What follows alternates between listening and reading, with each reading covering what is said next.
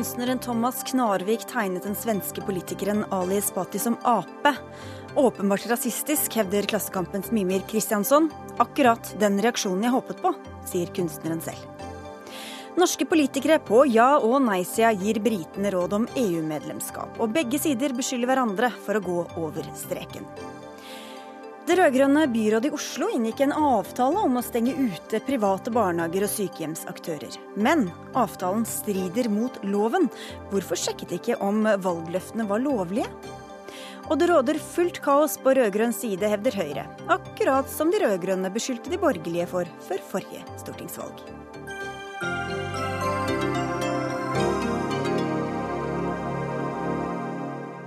Dette er Dagsnytt 18 i NRK P2 og NRK2 med Sigrid Solund i studio. Og først i denne sendinga til Østerrike, der presidentvalget har utgjort en valgthriller utenom det vanlige. Etter at valgurnene var tømt i går, var det marginale forskjeller mellom de to kandidatene, og i dag fikk forhåndsstemmene avgjøre det hele. Det er nå klart at partiuavhengige Alexander van der Bellen, som støttes av De Grønne, har vunnet over høyrepopulisten Norbert Hofer. Og med det er historie skrevet i Østerrike, da det er første gang siden andre verdenskrig hvor det ikke er valgt en president fra enten det sosialdemokratiske eller det konservative partiet. Og korrespondent eh, i Wien, eh, Guri Nordstrøm, i går ble altså de ordinære stemmene talt opp, og det var eh, små forskjeller. I dag var forhåndsstemmene talt opp og fikk avgjøre det hele. Hvor knapp var denne seieren? Den var enormt knapp. Det har vært en thriller til siste slutt, dette. Van der Bellen fikk 50,3 prosentpoeng. Hofer fikk 49,7 prosentpoeng. Det vil si at det var nøyaktig 31 026 stemmer som utgjorde forskjellen mellom de to. Og Hva vet vi om de som stemmer på forhånd, da, som kan ha vippet alt den ene veien?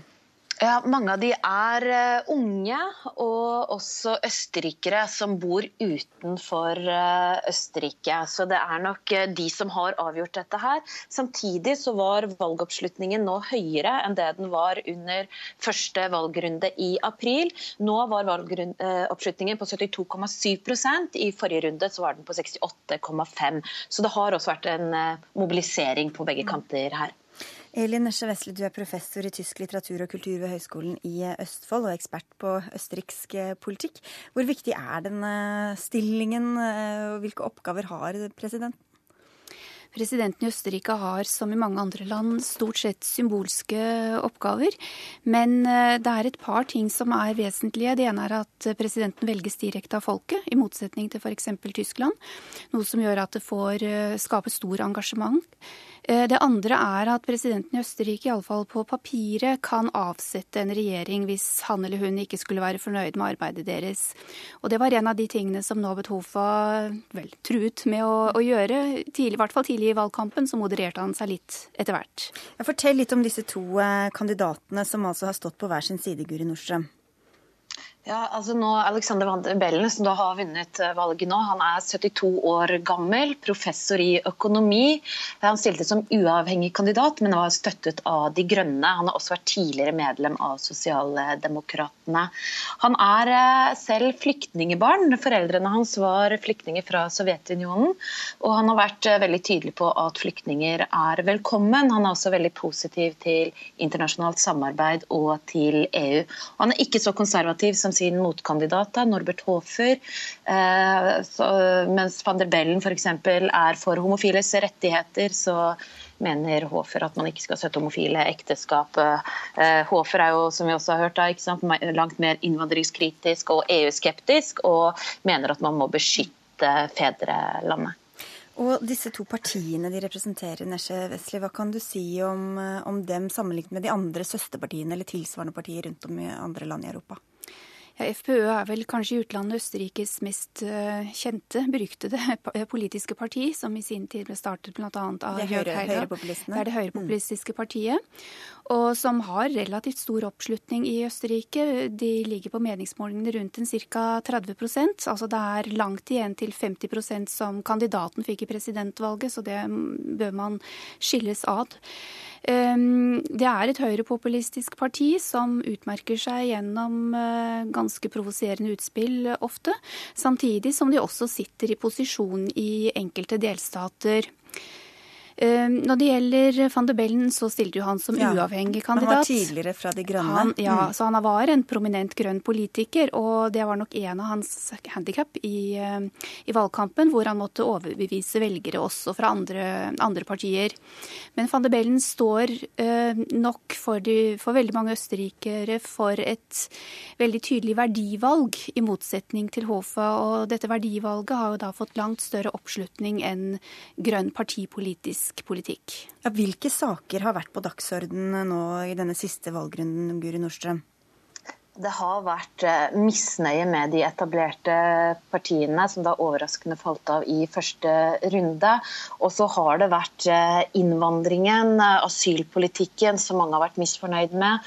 Og også det at Østerrike har en arbeidsløshet på 9,1% har vært et viktig spørsmål. De mange sier dette er det høyeste arbeidsløsheten på 60-70 år. Og Nesje Vestli, Hvordan kan det ha seg at to så ulike kandidater da ender opp med å, å gå til valg mot hverandre?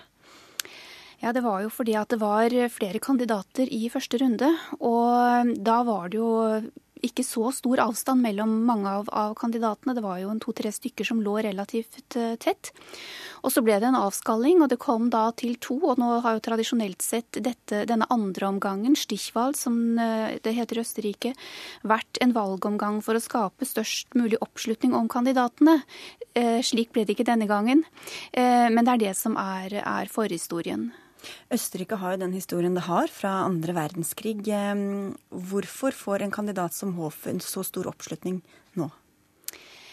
Det er nok mange grunner til det. Og det er klart at det ligger en kontinuitet i Østerrikes historie helt fra Waldheim-saken og det ja, det langsomme, altfor langsomme oppgjøret Østerrike har tatt med sin egen nasjonalsosialistiske fortid.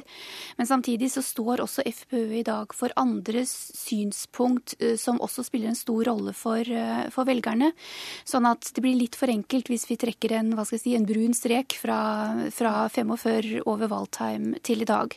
Men det er klart at uh, en del av de synspunktene Hofer står for, er jo synspunkter som eh, store deler av den østerrikske befolkningen og også det europeiske utlandet nå har eh, sett på med voksende skeptisk, skepsis. Ja, det er flere EU-ledere mm. e EU som trekker lettelsens sukk i dag? Ja, det er det. Og hva sier, eh, hva sier velgerne, Norsem? Er det grunn til å tro at folket kan samles om denne presidenten?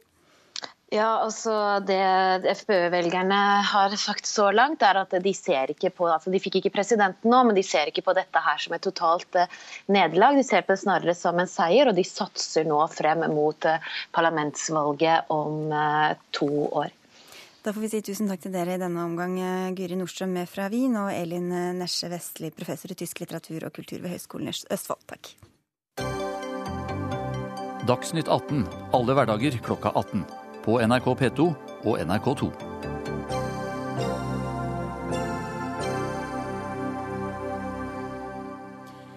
Da kunstneren Thomas Knarvik fremstilte den svenske politikeren Ali Spati som en ape i en tegning, endte det med at han ble kastet ut av Facebook. Det vil si, det endte vel egentlig slett ikke der, for etter det har den ene etter den andre fyrt seg opp til forsvar for tegneren, eller med krass kritikk av det han tegna.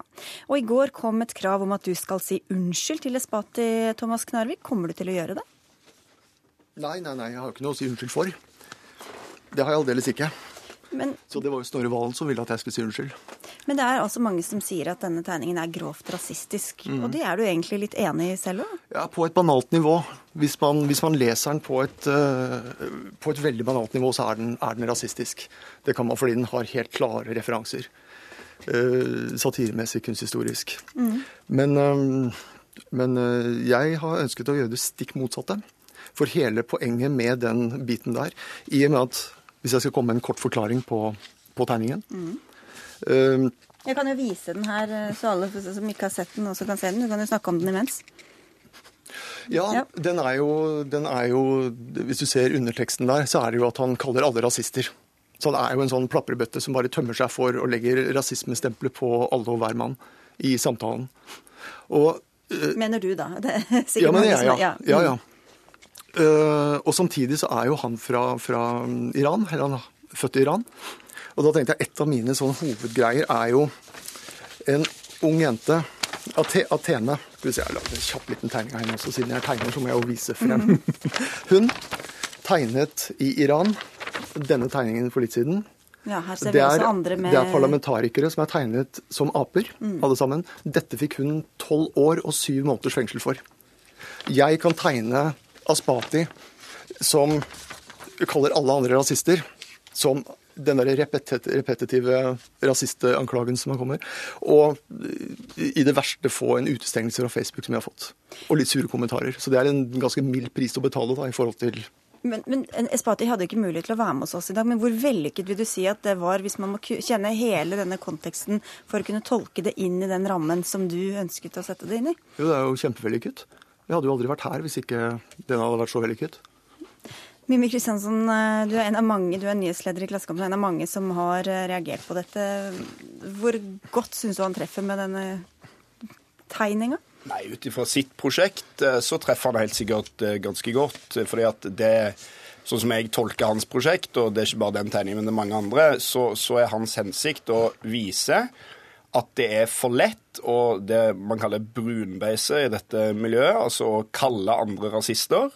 Eh, og at den merkelappen blir brukt som en slags stigma for å undertrykke saklig debatt om innvandring. Og ved å da bruke rasistiske fordommer, være på kanten, tegne innvandrere som apekatter Jeg må bare si unnskyld, det føles av og til som å sitte i en tidsmaskin og diskutere om det er greit å tegne innvandrere som mm. apekatter. Men, men, ved å gjøre det, så ved å nå den grensen, så får man liksom fram et provokativt poeng. Og i den forstand at hvis målet var at en masse folk skulle krangle om dette, så, så lykkes jo det. Men la oss nå diskutere det bakenforliggende premisset her. altså for det første stiller det jo alle de som har forsvart denne tegningen som ikke-rasistisk de siste dagene i et sinnssykt rart lys, at tegneren sitter ved min side og innrømmer at den spiller på rasisme. Så Det stiller jo George et litt spesielt lys. Men for det andre, så hvis vi skal komme til bunn i det som er interessant i dette prosjektet, er det sånn i Norge at det er umulig å føre en saklig, kritisk debatt om innvandring fordi man blir beskyldt for å være rasist, og dermed tida i hjel. Er det sånn i Norge? Og da vil jeg bare minne på at Innvandringsminister i Norge heter Sylvi Listhaug. Hun er svært kritisk til innvandring. Hun er den mektigste innvandringspolitikeren vi har. Eh, vi fører debatt om innvandring. Det er en av de mest diskuterte sakene.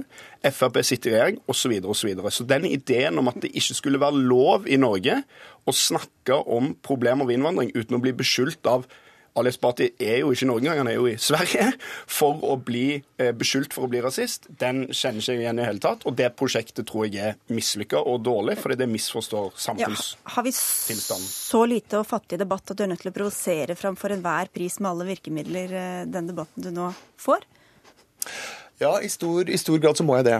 For når jeg ser uh, Mimir her også umiddelbart tar tak i at jeg selv sier at dette er rasistisk, så sa jeg Du spiller på rasistiske fordommer, det sa du vel lenge. Ja, så sa jeg at Tegningen er rasistisk, men du er ikke rasist. På et lavere nivå. Hvis man ser sånn rent emosjonelt på det komparative, man ser umiddelbart tegningen, man får andre konnotasjoner, man får hele historien. Eh, løfter man det til refleksjonsnivå, så ser man at dette overhodet ikke har noe med rasisme å gjøre. Løfter man det opp Men det, Har det skjedd da i denne debatten? Ja, ja, ja. Det skjer jo. Det er jo derfor alle, hvis du hadde gått inn og sett alle de tilsvarende på Facebook, så er jo dette her en veldig sånn øh, Den deler begge på en måte fløyer veldig, veldig skarpt. Og, og den, den der rasisme, den der som vi ser er villig til å gå inn og anklage folk, og nettopp du, etter, du etterlengter en debatt som skal være mer nyansert. Og det får ikke blitt mer nyansert når man har debattanter som det, som brunbeiser alle. Men vi skal bare slippe til tredjeperson her, også, som er halvveis introdusert allerede. George Gooding, du har engasjert deg i denne saken og forsvarer tegninga på bloggen din, hvor du bl.a. driver mediekritikk. Du har dumma deg ut, sier Mimi Kristiansson i forsvar av tegninga. Jeg tror man må skille mellom uh, hva budskapet med tegningen er, og hvordan den kanskje uh, fremtoner seg. Uh, sånn som han, tegneren selv sier, så var jo ikke budskapet rasistisk her. Budskapet er å kritisere Esbati for hans hersketeknikker i den offentlige debatten. Og det jeg har tatt tak i i dag, er å plukke fra hverandre alle de feilaktige argumentene som har blitt brukt eh, for å hevde at denne her tegningen må entydig forstås som et rasistisk budskap. Og det, det, det stemmer jo ikke. Det sier jo tegneren selv. Mm. Men, men, det som veldig mange i denne debatten ser ut til å misforstå, er at det virker ikke som om man helt skjønner hva rasisme er for noe. Man henger seg i stedet veldig opp i hva en rasist er for noe.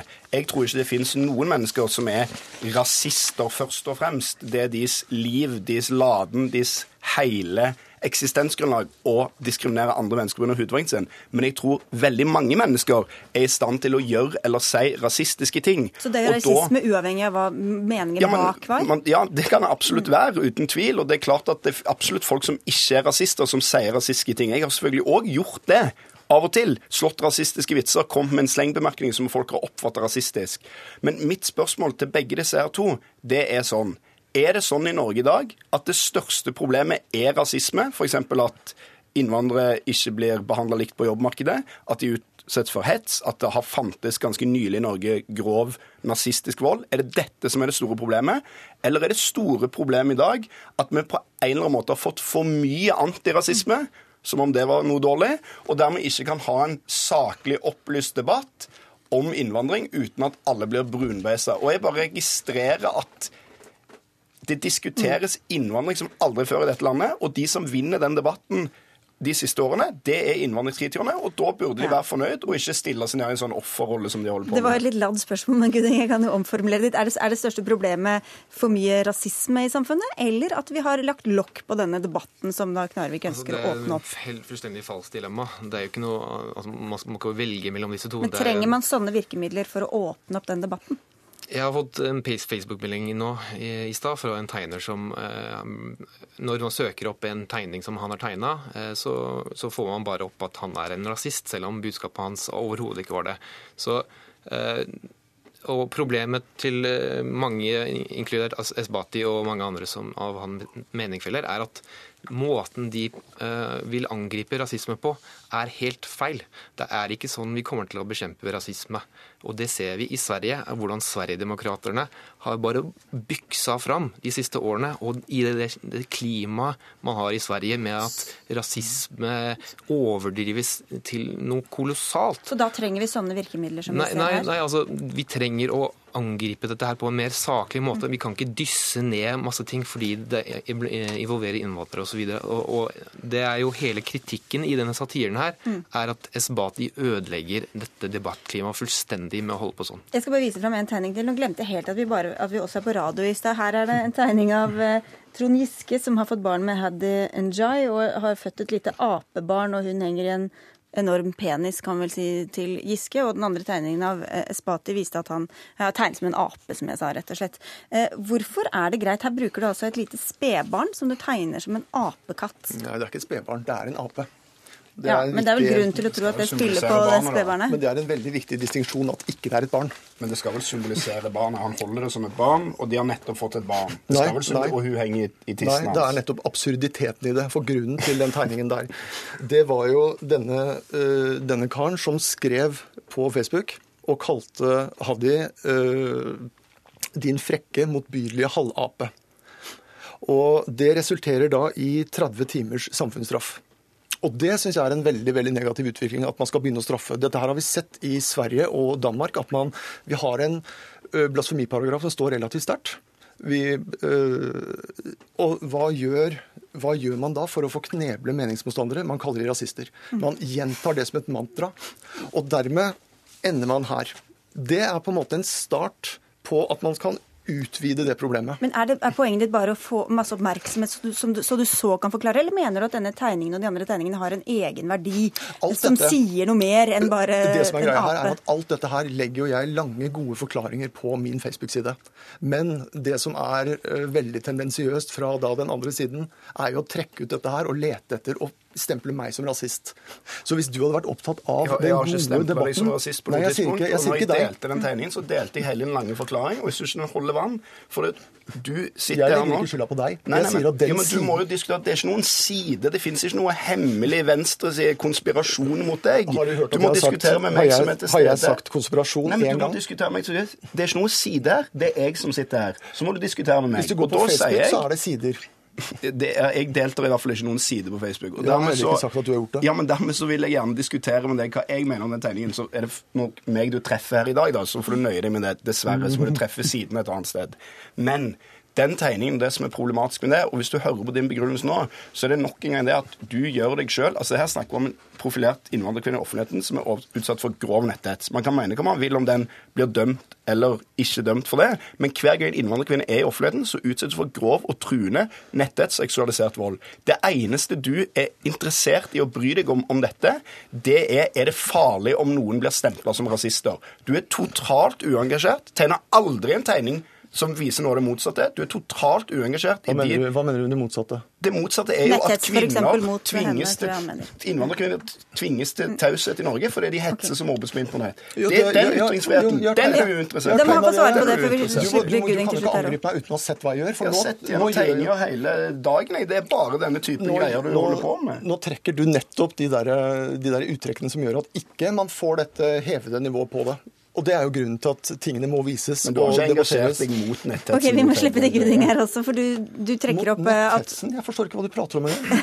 ok, Guding, kom igjen. Uh, Mimi prøver å leke som om uh, det er ingen som har på en måte stempla Narvik som rasist i dag, og uh, det stemmer jo ikke. Det er jo massevis av folk på Twitter og ellers som driver og gjør det, og trekker denne tegningen som du nettopp viste, helt ut av sammenheng, og ikke legger ved hans egen forklaring på hvorfor Det har blitt tatt litt lang tid å lese opp hele den forklaringen. Ja, ja, ja, men, men, men, på Twitter En av gangen, da, så må Tor Guding få svare det, det, de gjør, er å trekke denne her helt ut av sammenheng, og så stempler de han som rasist, og så er det ferdig med den saken. Han er rasist, da er vi ferdig. Det er det Esbati til stadig gjør, og det er akkurat det Vi lar Esbati han, ligge siden han ikke er her, men Ja, ja. men eh, denne type hersketeknikk som brukes eh, for å parkere debatt om alt mulig, det er det som er eh, budskapet i denne satiren her, og det er det som er viktig, føler jeg, i i akkurat denne debatten om, men, om, dette. Men så er det mange som har trukket fram denne konteksten og historien. at kaller, altså Det å tegne noen som aper eh, bærer noe mer enn bare det å tegne noen som aper. og Da sier du at det er forskjell fordi f.eks. For da Espati her ikke er afrikaner. Ja, jeg syns det er veldig merkelig. Eh, og eh, de som har drevet med dette argumentet, har jo sagt, eh, sagt seg selv imot i løpet av debatten. Fordi de sier at altså, Esbati, en iraner, er mørkhudet. Og det er jo en historieløs måte å fremstille iranere på. Og de har, Iranere har jo historie for å holde afrikanske slaver selv. Og, og, og så plassere Esbati inn i en kontekst av den kulturhistoriske apetegningskonseptet som, som har gått på afrikanere av rasis, raseteorigrunner. Å plassere han inn i den konteksten blir veldig, veldig merkelig. Altså Man må lage så mange kontekster og snakke så lenge man vil om dette man vil, men når man har tegna Hadia Njie hengende i tissen på Trond Giske mens han holder en liten orangutangunge, da kan man altså ikke bli fornærma over at noen blir oppbrakt. Mm. Da må man leve med det. Men Mimir, det, den tegningen er jo fordi det var en person som sa akkurat dette. Det er jo okay, derfor han tegner det. Ti sekunder på tampen. Ja, jeg syns det er ganske festlig at du prøver å gjøre at jeg skal være krenka for at noen skal, skal være fuglene på min tegning. For det er overhodet ikke Nei, jeg virker ikke krenka. Du er glad for debatten? Jeg er veldig glad for debatten. Ja. Og det at vi skal prøve å strupe hele det der, de narrativene som har med gamle ting å gjøre, for å ikke ta tak i rasismedebatten, som tydeligvis det, den, den, kommer jeg, den kommer jeg til å løfte. Du skal fortsette med det. Vi kunne holdt på veldig lenge her, men vi er dessverre nødt til å takke dere av alle tre. Tusen takk for at dere kom. George Gooding, Thomas Knarvik og Mimir Kristiansson.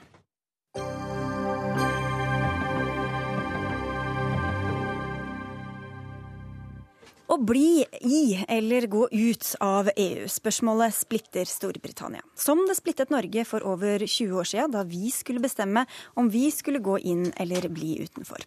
Og nå ser mange briter til nettopp hvordan nordmenn takler utenforskapet, og får råd herfra både om å forbli i unionen og om å ta skrittet ut av den, fra ulikt politisk hold i Norge. Anne Beate Tvinnereim, du er nestleder i Senterpartiet, og nå verserer det et intervju du ga for en tid tilbake i den britiske kampanjen for å forlate EU. Hvorfor mener du at dine, eller våre, norske erfaringer er relevante for den britiske EU-debatten?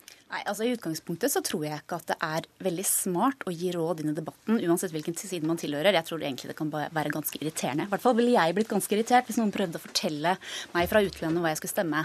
Eh, men, men det jeg har gitt, eh, blitt intervjuet om, er to ting. For det første hvordan den norske EU-debatten arta seg i 1994. Og for det andre hvordan eh, Norges forhold til EU gjennom EØS er. Eh, organisert i virkeligheten. Mm. Og det har det vært veldig veldig stor interesse for gjennom flere år. Fått mange henvendelser fra britene. Eh, og, og, det som er litt morsomt når jeg gjør disse intervjuene, er at når jeg forteller om eh, all den støyen, all den skremselspropagandaen som verserte fra ja-siden i 1994, så, sitter, så sitter disse journalistene og nikker litt sånn gjenkjennende og smiler og sier dette er veldig parallelt. Og det syns jeg eh, for så vidt er interessant. Eh, du ser, du ser noen, argument, eh, argumentene som skjer i Storbritannia nå. Og vi kommer til å miste tre millioner jobber hvis vi melder oss ut av EU. Det kommer til å bli investeringstørke. Og det er helt umulig å se for seg at vi skal kunne ha en frihandelsavtale med EU. De vil ikke være interessert i å snakke med oss. Akkurat den type ting sier de i britiske debattene, og det opplevde vi også. Mm. Og det forteller du mer enn gjerne om. Ja. ja. Ingvild Nestub, du er statssekretær ved statsministerens kontor og tidligere leder i Høyres europautvalg. Hvor presist syns du Tvinnereim og hennes meningsfelle beskriver de norske erfaringene?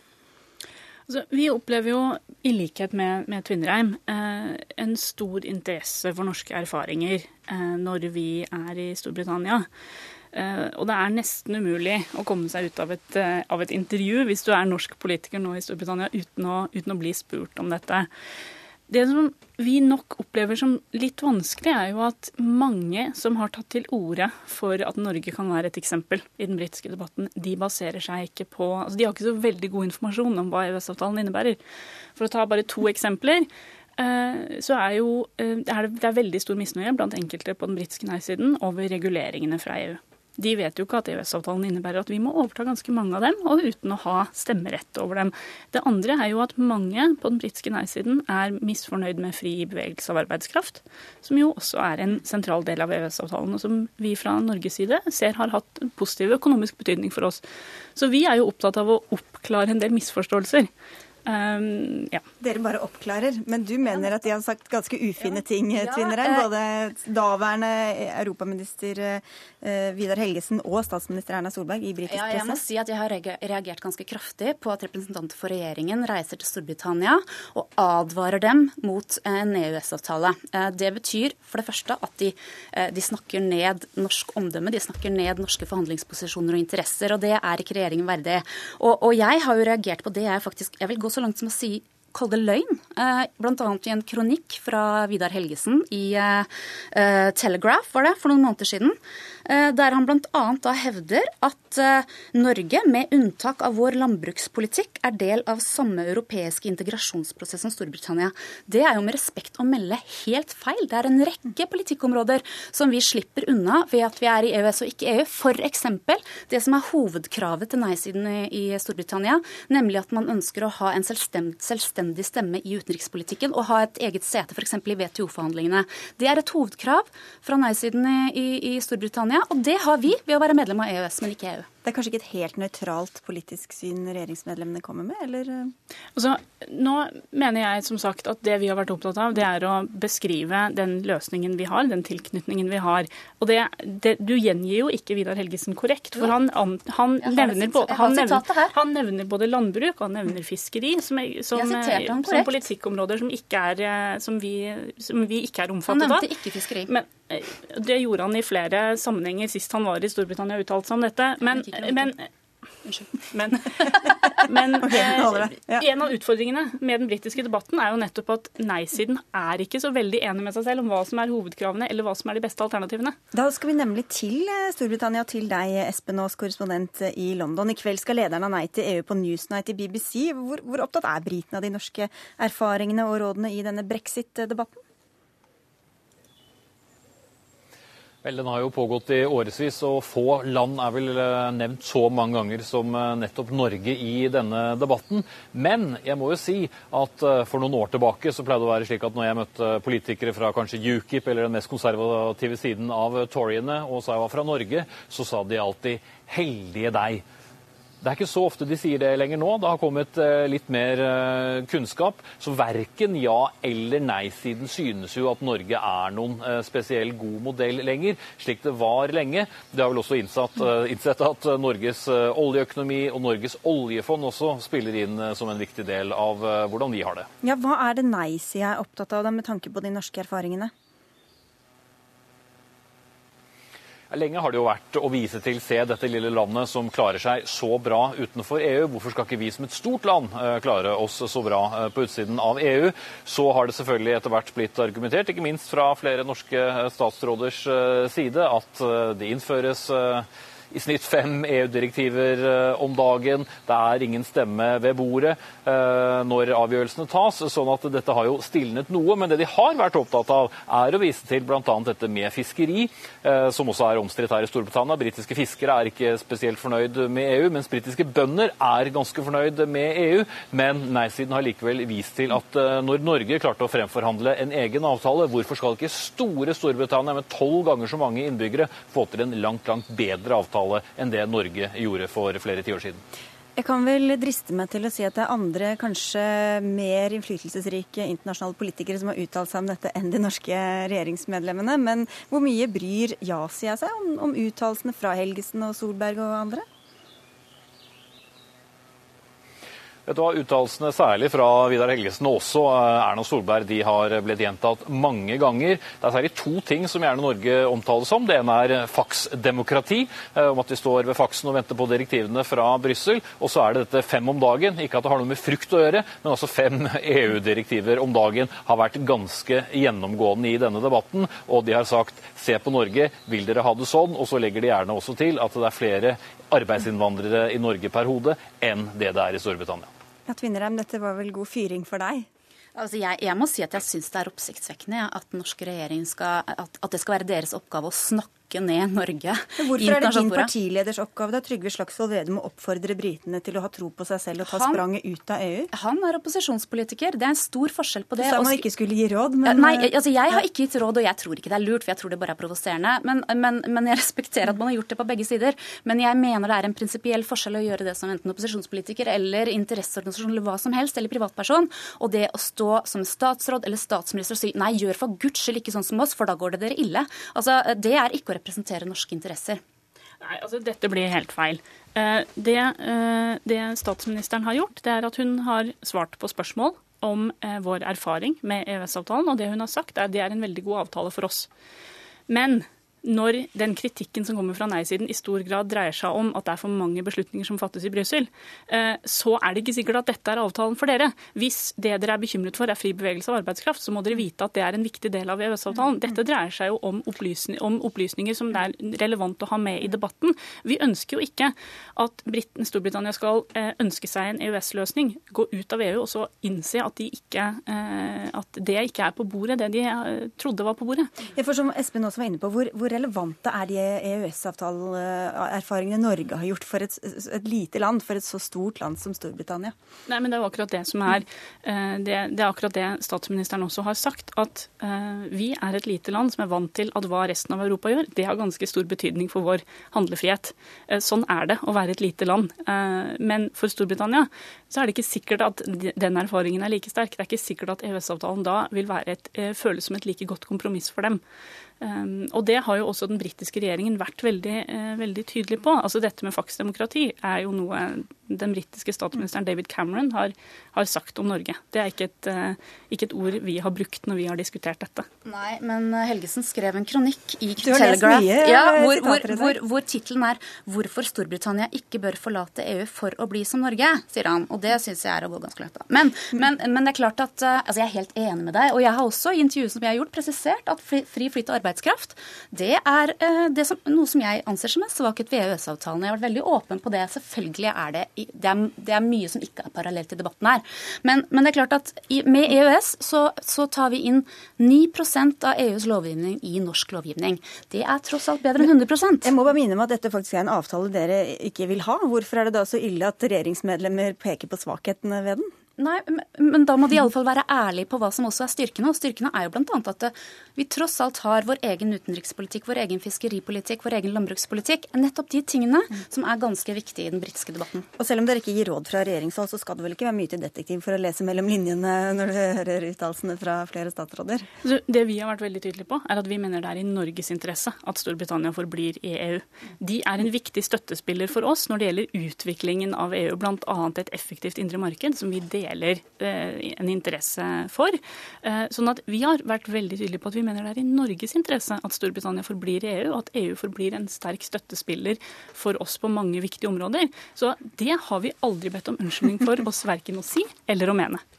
Og jeg tror det er i Norges interesse at britene kan vise hvor stor frihetsgrad man faktisk kan oppnå gjennom en bilateral avtale med EU. Der kan vi følge etter. Litt brexit her også i Norge, da. Takk skal dere ha begge to. Anne Beate Tvinnereim fra Senterpartiet og Ingvild Nestubb fra SMK. Og takk til Espen Aas med fra London. Hør Dagsnytt 18 når du vil. Radio NRK.no.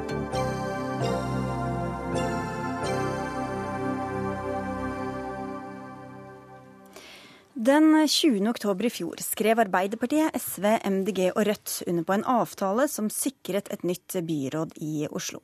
Mot å støtte det rød-grønne byrådet, eller byregjering som det skulle hete, fikk Rødt gjennomslag for å stenge ute nye private barnehager og kommersielle sykehjemsaktører i anbudsrunden. Men ikke bare var visst navneendringen ulovlig, også det å stenge de private ute fra barnehage- og sykehjemsdrift viste seg å være lovstridig. Vi starter med barnehagene. I avtalen mellom byrådet og Rødt står det partiet, partiene er enige om at kommunen og ideelle virksomheter skal stå for drift av alle nye barnehager i Oslo. Dette er det altså ikke åpning for i barnehageloven for å gjøre, viser det seg etter en nærmere utredning. Og Tone Telvik Dahl, du er byråd for oppvekst og kunnskap i Oslo for Arbeiderpartiet. Hvorfor sjekket dere ikke om det dere gikk med på var lovlig? Det avtalen også understreker, det er at utbyggingen av nye barnehageplasser i Oslo skal skje i tråd med norske lover. Det viktigste for byrådet, det skulle vel bare mangle. Ja, eh, og det viktigste for byrådet og for Rødt, det er tre ting. Det ene var å sikre full barnehagedekning. Derfor opphevet vi forbudet mot å bygge kommunale barnehager. Vi har satt i gang en storstilt utbygging nå i kommunal regi. Så er vi opptatt av at alle de kommunale midlene vi gir til private driftere, skal faktisk gå til barnas beste beste. Det skal gå til gode pedagoger som har nok kompetanse og har gode rammevilkår for å drive ja. god barnehagedrift. Du har fortsatt ikke svart på spørsmålet. Hvorfor sjekket dere ikke om, det ikke om det var lovlig det dere gikk med på? Barnehageloven er i dag litt uklar på området, om det går an å skille mellom ideelle og kommersielle aktører. Vi har nå tatt en ekstra runde knyttet til det. Vi kan ikke skille på eierskap, men vi kan stille mye strengere kvalitetskrav til de private drifterne. Det er det vi når i gang med for å sikre en økt likebehandling i barnehagetilbudet i Oslo. Like fullt en avtale som viste seg å ikke holde vann. Bjørnar Moxnes, du er bystyremedlem i Oslo og leder i Rødt. Og dette var altså det ene viktige kravet som Rødt måtte måtte ha gjennomslag for. Likevel undersøkte dere ikke om det faktisk var overens med loven. Hva slags politisk håndverk er det?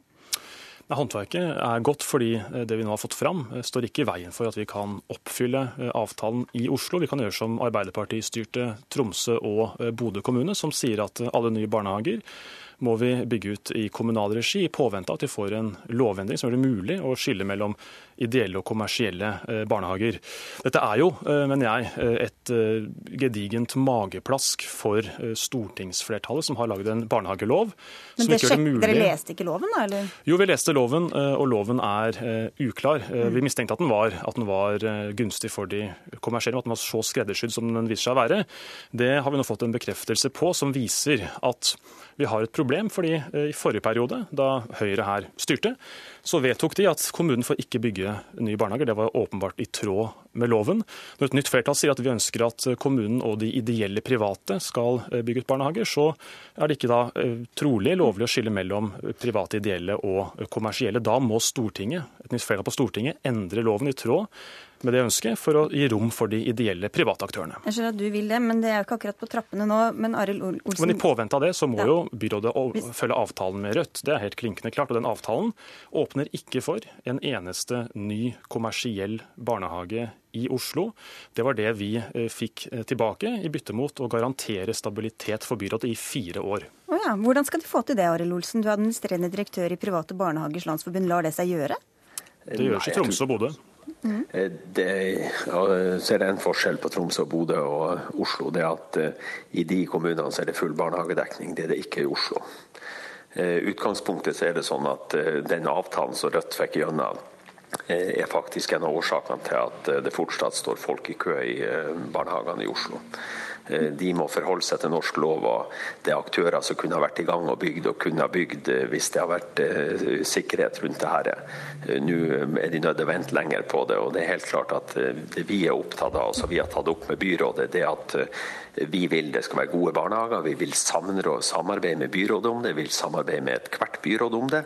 Eh, og det føler vi på mange måter de ikke De prøver å unngå å hele tida strekke loven og tøye loven, og det syns vi er helt uverdig for sektoren. Men eh, det er helt legitimt, slik som ledelsen i PBL mener, at man skal ha en åpning for at kommersielle aktører kan ta ut profitt fra barnehager. Men det er også legitimt å mene at et flertall, et nytt flertall i Oslo eh, ønsker å sikre at hver krone bevilget til barnehagedrift går til barnas beste og ikke ja. til privat profitt. Og da kan vi gjøre det sånn som de gjør det i Tromsø og eh, Bodø, ved at kommunene drifter de nye barnehagene selv. Og så må vi altså samtidig eh, påpeke paradokset som ligger i at eh, PBL, som også representerer de private ideelle barnehagene, ikke synes å tenke så mye på dem, for det er de som blir skvist ut av de kommersielle aktørene på barnehagefeltet vi, i Norge. Vi må ta tak i dette med om, om, det faktisk kan gå an da, å bygge nye barnehager som storkonserner som Espira eller Trygge Barnehager eh, kan uh, bygge ut, og fortsatt sende overskudd til eiere i utlandet. Tone Telvikdal, kan, kan du garantere at det ikke skal skje, slik Bjørnar Moxnes krever?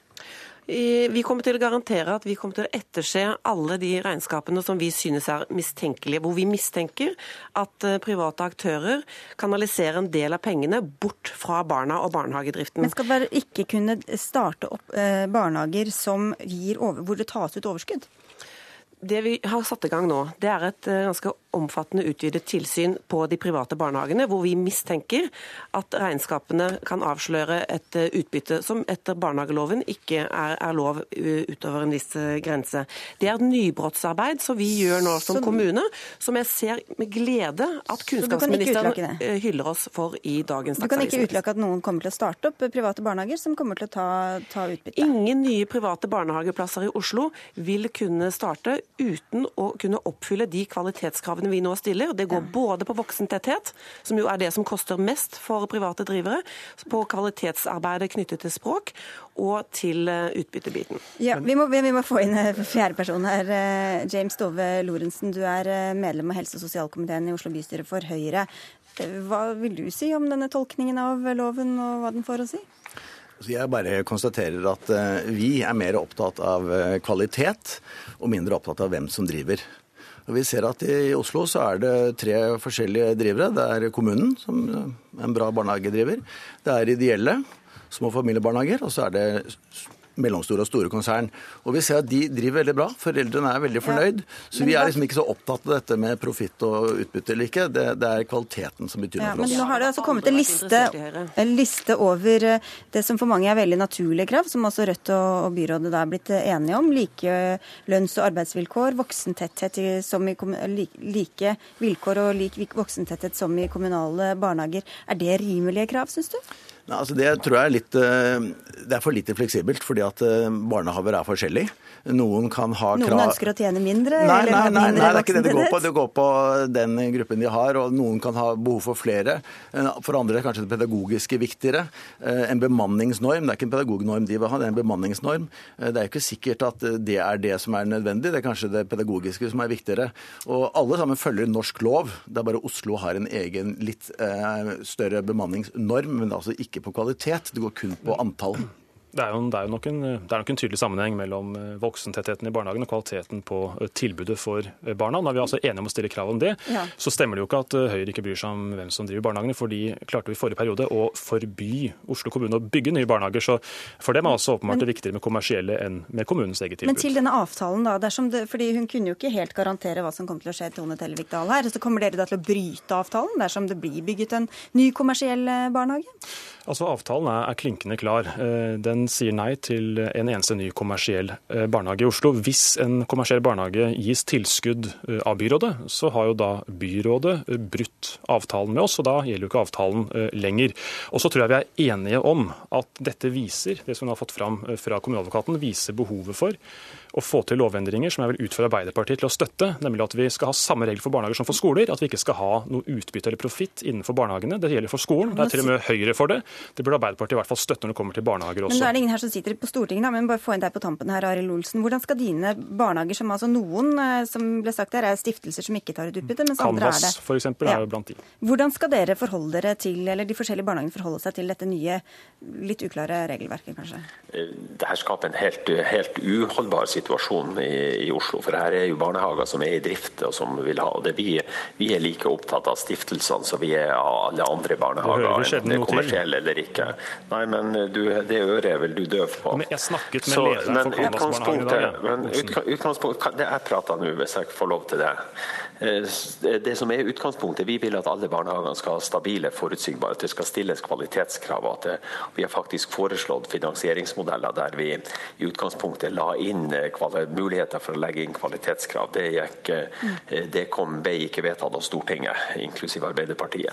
Vi er opptatt av at det skal være stabile herskap, men en debatt som om at det foregår ting i de private barnehagene som ikke tåler dagens lys. Jeg vil gjøre oppmerksom på at 13 av de 15 beste barnehagene i Oslo var private barnehager der foreldrene var mest fornøyd. Det gjøres en veldig god jobb. Vi må bare avslutte barnehagebolken her. Ja, Arild Olsen, jeg tror du fikk gjennom, eh, gjennom, budskapet ditt. Tusen takk skal du ha. Vi må bare helt på tampen her til innom sykehjem også. fordi I den samme avtalen så står det at disse partier er enige om å ikke legge ut driften av sykehjem på nytt anbud for kommersielle aktører når eksisterende kontrakter utløper. Men nå viser det at heller ikke dette er lov, Bjørnar Moxnes. Det som trolig eh, ikke er lov, er å utlyse nye anbudsrunder hvor man forbeholder anbudet for ideelle, som har vært en åpning for i loven eh, fram til nå. Da kan kommunene i stedet eh, velge å ta tilbake driften i egen kommunal regi. Eller som vi mener er viktig, også utforske mulighetene for såkalt utvida egenregi, som ligger innenfor det som da er EUs nye anskaffelses... Dvs. Si et utvida partnerskap mellom kommunen og de ideelle non-profit-aktørene, eh, som innebærer litt tettere eh, bindinger for å kunne komme utenom de reglene som EU pålegger oss. Så det er fullt mulig å hindre at de kommersielle skal tjene penger på nye sykehjem i Oslo, men da må vi også være litt kreative og utforske handlingsrommet, og det er fullt mulig. Da, blir, da kan det skje likevel, da, Stove Lorentzen fra Høyre? Ja, altså Det ville jo være helt tragisk hvis det skulle bli sånn at kommunen skulle gjøre alt. Alle barnehager og ja. alle sykehjem. Bare kommunen. De vil kommunen. ha ideelle aktører, da. Jo, men det kan jo da se ut som de er vanskelig å få til. til uh, ja, ja, men ikke, Det er liksom en sånn eh, mulighet som kanskje kommer, men sånn som det er nå, så går ikke det. Og, og Da mener vi at det vil være helt feil hvis en kommune, at Oslo kommune tror de vet best, alltid i alt. Det er klart at Sykehjemsstaten er en bra etat, de gjør mye bra arbeid. Men de gjør også de ideelle, og de gjør også de private. Og det, liksom Innovasjon og nytenkning, altså konkurranse, skaper Men Det er den idealistiske debatten. Men du tror at det kan skje likevel? Altså at det er rom for det innen dagens både norsk og EØS-regelverk? til å gjøre jeg, jeg, det, jeg, jeg, skal ikke begynne å tolke EØS-regelverket. Jeg bare vet at vår, vår, regjering har prøvd å jobbe for å finne det handlingsrommet. Er det et handlingsrom, så er vi for å bruke det handlingsrommet. Det er ikke Veldig bra, James. Da er vi iallfall enige om det. Dette er, altså, er det vilje, så er det også mulig å skape vei for å sikre Men vi er likevel for å beholde de eh, kommersielle i tillegg. Det tror jeg vi vet. At alle pengene går til de eldres beste, ikke til eierne. og Der er vi nok uenige med Høyre, og det er en ærlig sak. Men to punkter altså, hvor dere egentlig har gått litt i baret, Tone Tellevikdal. Hvordan skal dere løse denne knuta, da?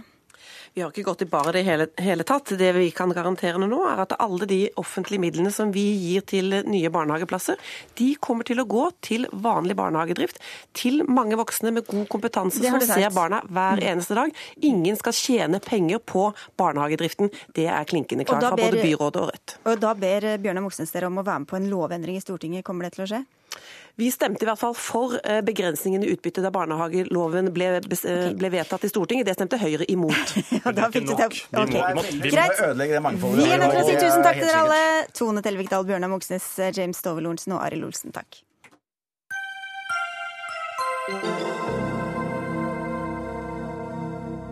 Blåblått kaos har skiftet farge til rødgrønt, hevder Høyre i Dagbladet i dag. Hvorfor skal vi straks høre, men la oss først gå litt tilbake i tid, til 2008 eh, og ikke minst 2013, da de rød-grønne partiene Arbeiderpartiet, SV og Senterpartiet hamra løs mot kaos på borgerlig side, som her ved et knippe partiledere. De fire partiene får flertall, så vet vi Vi aner ikke hvem som kommer i regjering. Vi aner ikke hva politikk de vil føre. Problemet på høyresiden er at ingen vet hva slags regjering de får. Jens Stoltenberg, ut ifra det du har hørt på borgerlig fløy her, skjønner du nå hva slags helsevesen vi kan få? Nei, eh, og derfor må man ikke stemme på dem. Eh, fordi vi bør ikke utsette oss for det kaoset. Men nå er det altså beskyldningene som kommer fra Høyre og mot de rød-grønne fra deg, Henrik Asheim. Hvorfor savner du et tydelig regjeringsalternativ halvannet år før stortingsvalget? Det er fordi eh, det oppsiktsvekkende har vært at avstanden mellom dagens opposisjonspartier har vokst gjennom perioden. Altså, En ting er de borgerlige som eh, jobbet seg sammen på område og område. Her ser vi at avstanden vokser. Hvor Er det så rart når de sa at de skulle operere som tre forskjellige individer, holdt jeg på å si, partier etter stortingsnederlag eller valgnederlaget? Eh, vel, det er ganske alvorlig, i hvert fall hvis de har tenkt til å stille sammen for å danne en ny regjering. Og det som vi har gjort nå, er at vi har både hatt et skatteforlik der SV brøt ut. Vi har hatt en diskusjon om vi skal sende soldater til Jordan. Der har SV og Senterpartiet brutt ut. Eh, og vi har hatt flere andre forlik, eh, asylforliket, hvor SV og Miljøpartiet De Grønne brøt ut. Og Det som er alvorlig med det, er at du da har en, eh, en slags koalisjon eller et eller annet det skal være, som skal ha ambisjoner om å ikke bare felle Erna Solberg som den mest populære statsministeren, men å også danne en ny regjering. Og Da er det litt spesielt at ikke vi ikke aner hva de mener i hvert fall om hovedlinjen i norsk politikk, og det gjør vi ikke nå. Truls Wickholm, du er stortingsrepresentant for Arbeiderpartiet. Hvorfor var det kaos for noen år siden, mens det ikke er kaos, vil jeg anta at du mener da nå?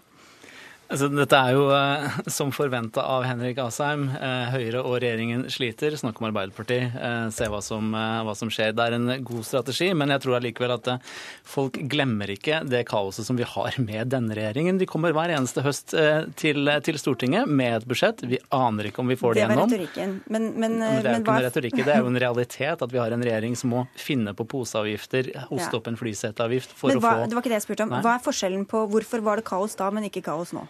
Det var kaos da, fordi vi ante ikke hvilken retning landet skulle eh, gå i. Eh, og jeg tror fortsatt så vil det være tydelig å se på Stortinget at eh, Arbeiderpartiet vi stiller oss åpne for å diskutere regjeringssamarbeid med de fleste. Og vi er tydelige på hvilken retning vi ønsker å ta landet i.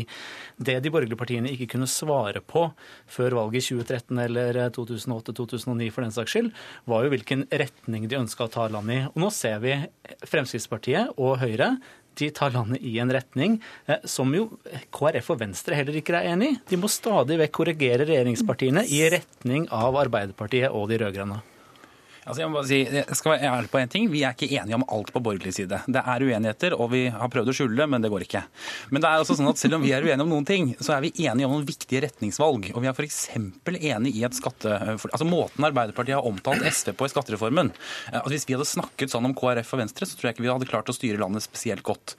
Det er en voldsom arroganse. Jonas Gahr Støre, partilederdebatten i NRK forrige uke, kalte SV for et lite og irrelevant parti. Og sånn kan man ikke snakke om partiet man har å styre sammen med. Og det som er poenget er at de skal danne danne en regjering, sier de da, eh, på en eller annen måte. Og Arbeiderpartiet liksom regner bare med SVs mandater, men ikke deres politikk. Og SV sier nå at de garanterer ikke å gå i noen regjering. Og hvis ikke de får nok gjennomslag for sin politikk, så går de i, som de sier, opposisjon ja, til Arbeiderpartiet. Flaks at vi har SV her, da. Og deg, Torgeir Knag Fylkesnes, som sitter på Stortinget for SV. Blir det noe samarbeid, eller blir det ikke det? Vi, jo, vi, ønsker å felle dagens regjering, og vi tar gjerne og støtter et regjeringsprosjekt med Jonas Gahr Støre. Men så eh, sier ikke vi at vi automatisk skal gå inn i en regjering. Det er avhengig av om vi får gjennomslag for politikken. Eh, men vi kan være et støtteparti for en sånn regjering og jobbe fra sak til sak eh, på det. Eh, så for oss er dette en veldig enkel eh, sak. Hvis vi får gjennomslag for vår politikk, eh, hvis vi får redusert forskjellene og får en mer offensiv miljøpolitikk Så er det ikke så viktig å sitte i regjering nødvendigvis? Nei, det er ikke det, er ikke det avgjørende for oss. Men du etterlyser hvem de skal samarbeide med, Henrik Asheim. Det var jo heller ingen som hadde noe avklart regjeringsplattform på borgerlig side. Det var ingen som visste om det ble Høyre og Frp, om det ble KrF og Venstre, alle fire, én. Hvorfor skal liksom den andre sida sitte klar med denne kabalen her allerede nå? Jeg vil For det første så er det jo alvorlig at de nå eh, bryter de store forlikene med hverandre. Men det andre er at det er helt riktig, de fire borgerlige partiene var ikke enige om hvem som skulle sitte i regjering, f.eks. Men vi sa at de fire partiene gikk til valg sammen. Vi garanterte at en ny regjering skulle ha, eh, gå ut fra de fire partiene. Så det visste man. Og vi samarbeider jo i Stortinget. Wickholm sa at regjeringen sliter. Vel, den leder jo på alle målinger i seks måneder på rad. Så det er jo ikke helt uh, krise ennå. Men, det, men situasjonen er sånn at vi, Høyre og Frp, samarbeider med to vil jeg si, ansvarlige borgerlige sentrumspartier som deltar i brede forlik, er ansvarlige. Mens det Truls Wickholm skal, at han skal overta makten uten å ane hvem han skal styre sammen med, eller hva han skal gi de partiene han trenger mandatene til for å overta. Og da blir det kaotisk. Ja, når har velgerne krav på å vite hvem dere eventuelt skal samarbeide med? Da, Wickholm? Altså, Arbeiderpartiet samarbeider godt med veldig mange partier. Du ser det rundt omkring i de store byene. Vi samarbeider med Senterpartiet, vi samarbeider med SV, hvem dere skal gå til valg med, med, med har, har, dere lagt ut noen strategi for det? Altså, vi har sagt at vi holder døren på åpent for alle som har lyst til å ta landet i en annen retning enn denne regjeringen. Nå ser vi at vi aldri har hatt så høy arbeidsledighet som vi har eh, nå. Ja, vi ser at klimautslippene ja. går i, i, feil retning, og vi ser at forskjellene i landet øker. Men, men, det de, at... ja, men det betyr jo at de partiene som ønsker at landet skal gå i en annen retning enn de, de partiene har vi lyst til å samarbeide med. Eh, men da... det kan jo være KrF, det kan være Venstre, det kan være Miljøpartiet De Grønne, det kan være Senterpartiet, det kan være SV. Kommer vi til å få noen avklaring om det? Det var en veldig god oppsummering at det er veldig, veldig mange partier på Stortinget som ikke er enig i den retningen som eh, Høyre og Fremskrittspartiet tar landet i. Eh, og Derfor tror jeg det vil være ganske klart at det vil finnes et regjeringsalternativ som Arbeiderpartiet kan lede når vi kommer til 2017. Men det er for tidlig å si det ennå? Jeg tror at mange partier skal avklare også sine posisjoner i landsmøtesesongen nå til, til våren. Siden vi har SV her, jeg må bare spørre deg, Henrik Asheim. Altså, du nevnte at de har stilt seg utenfor flere store kompromisser, eller uh, forlik, heter det vel. Mm. Men uh, forventet du at SV etter åtte år hvor de måtte gi etter for Arbeiderpartiet i, i mange saker, skulle liksom legge seg opp til SV og Arbeiderpartiet nå og forlate sin egen primærpolitikk? Nei, men, nei, det gjorde jeg ikke. Men det er klart at sant, når man først da skal forsøke å danne flertall for noe altså Jeg må si at jeg er veldig uenig med SV. Jeg vil ikke at SV skal styre landet i det hele tatt. Men jeg forstår litt frustrasjonen i SV. fordi Arbeiderpartiet snakker som de, de mandatene bare er inne uansett. Men det Lysbakken har vært helt tydelig på, det som landsstyret SV har vært helt tydelig på, det er at de stiller noen helt klare politiske krav for å støtte en Arbeiderpartiregjering. Og da må vi få vite hva de kravene er, og så må vi få vite hva Arbeiderpartiet har tenkt å gjøre med de kravene. Kommer de kravene? Er dere irriterte over Arbeiderpartiets eh, påståtte arroganse? Nei, Vi ser jo at de eh, i en del viktige spørsmål for oss, eh, fordelingsspørsmål, integrering og miljø, at de er på helt annen kurs enn det vi ønsker. Skatteforliket så åpner de opp for økte forskjeller osv. Men jeg vil jo si at både Høyre og Arbeiderpartiet er jo i samme båt. Det er ingen av de som har noe, noe flertall i sikte. De trenger å samarbeide med partier som er veldig skeptiske til å forplikte seg til de. Eh, og, Vi har en mindretallsregjering i dag som er helt avhengig av KrF og Venstre. Og Venstre har nettopp sagt at de kanskje feller regjeringa. Eh, det var bare noen dager siden. Eh, de truer med det. Ja. Eh, og Arbeiderpartiet eh, er i bevegelse. Ingen vet helt hvor de skal. Eh, og vi, vi står stødig på vår politikk og sier at for oss er det politikken som er det aller, aller viktigste. Kommer dere da til å komme med noen ultimative krav i så fall foran et eh, eventuelt samarbeid? Da? Vi kommer til å utvikle en, eh, en, plattform eh, på landsmøtet neste år. Men vi kommer ikke til å, det er ikke en sånn intern diskusjon vi kommer til å ta med Arbeiderpartiet. Det, det er jevnt over.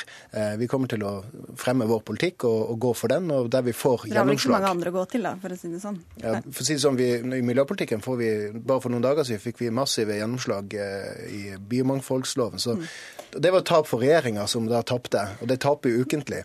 Så det er, det er, veldig mye som skjer her, til tross for eh, politikken til eh, de to eh, store partiene. Men det store problemet, altså Disse to er enige om én ting, og det er at de er mot oss. Og Det er ikke noe vanskelig å være mot folk i politikken. Det som er vanskelig, er hva dere er for. Og det vet vi faktisk veldig, ikke. Arbeiderpartiet er for veldig mange store deler av regjeringas politikk. ja, altså Arbeiderpartiet mener stort sett to eller tre ting om alle saker, så det er litt vanskelig å vite akkurat hva man skal tro på. Men, men, det, som er, jo, men, jo, men bare for å si helt til slutt, det som er litt viktig, er at disse to sier nå at stem på oss, vi skal lage en ny regjering. Men det er hemmelig hvilken regjering vi får, og det er hemmelig hva vi skal gjøre etterpå. For det vil vi ikke avklare før etter valget. Med mindre, igjen, SV, jo, med mindre SV nå faktisk begynner å tydeliggjøre hvilke krav de stiller for å støtte Arbeiderpartiet. Og det samme vil MDG måtte gjøre, det samme må Senterpartiet gjøre, kanskje til og med Rødt, hvis vi skal tro målingene i dag. Nå tipper jeg det er mange der ute som tenker sånn hvorfor skal vi holde på med dette i halvannet år? Men Wickholm, du får svare på tampen her. Ja, altså, jeg, tror, jeg tror at det som ikke er så hemmelig, er at det finnes partier på Stortinget som ønsker å ta landet i en annen retning, som ønsker å gjøre noe med den arbeidsledigheten virkeligheten som, eh, som, vi, som vi, ser nå. Eh, og der føler vi at eh, føler, mener, ser at regjeringen ikke tar de grepene som er nødvendige for å få den ledigheten ned. Det har SV sagt at de vil gjøre, det har KrF sagt at de gjør, det har Venstre sagt at de, de vil gjøre, og Senterpartiet. Sånn at det er et flertall for en annen kurs for landet, en kurs som er mer inkluderende og som skaper bedre fordeling. På noen deler av politikken. Ja. Mens andre ting forblir det samme, da, får vi si. Ja. Takk skal dere ha, i hvert fall alle tre. Henrik Asheim fra Høyre, Truls Wickholm fra Arbeiderpartiet og Torgeir Knag Fylkesnes fra SV. Vi er uh, slutt eh, for i dag. Det var Dag Dørum som hadde ansvaret for sendinga. Lisbeth Seljereite og jeg, Sigrid Solund, takker for oss.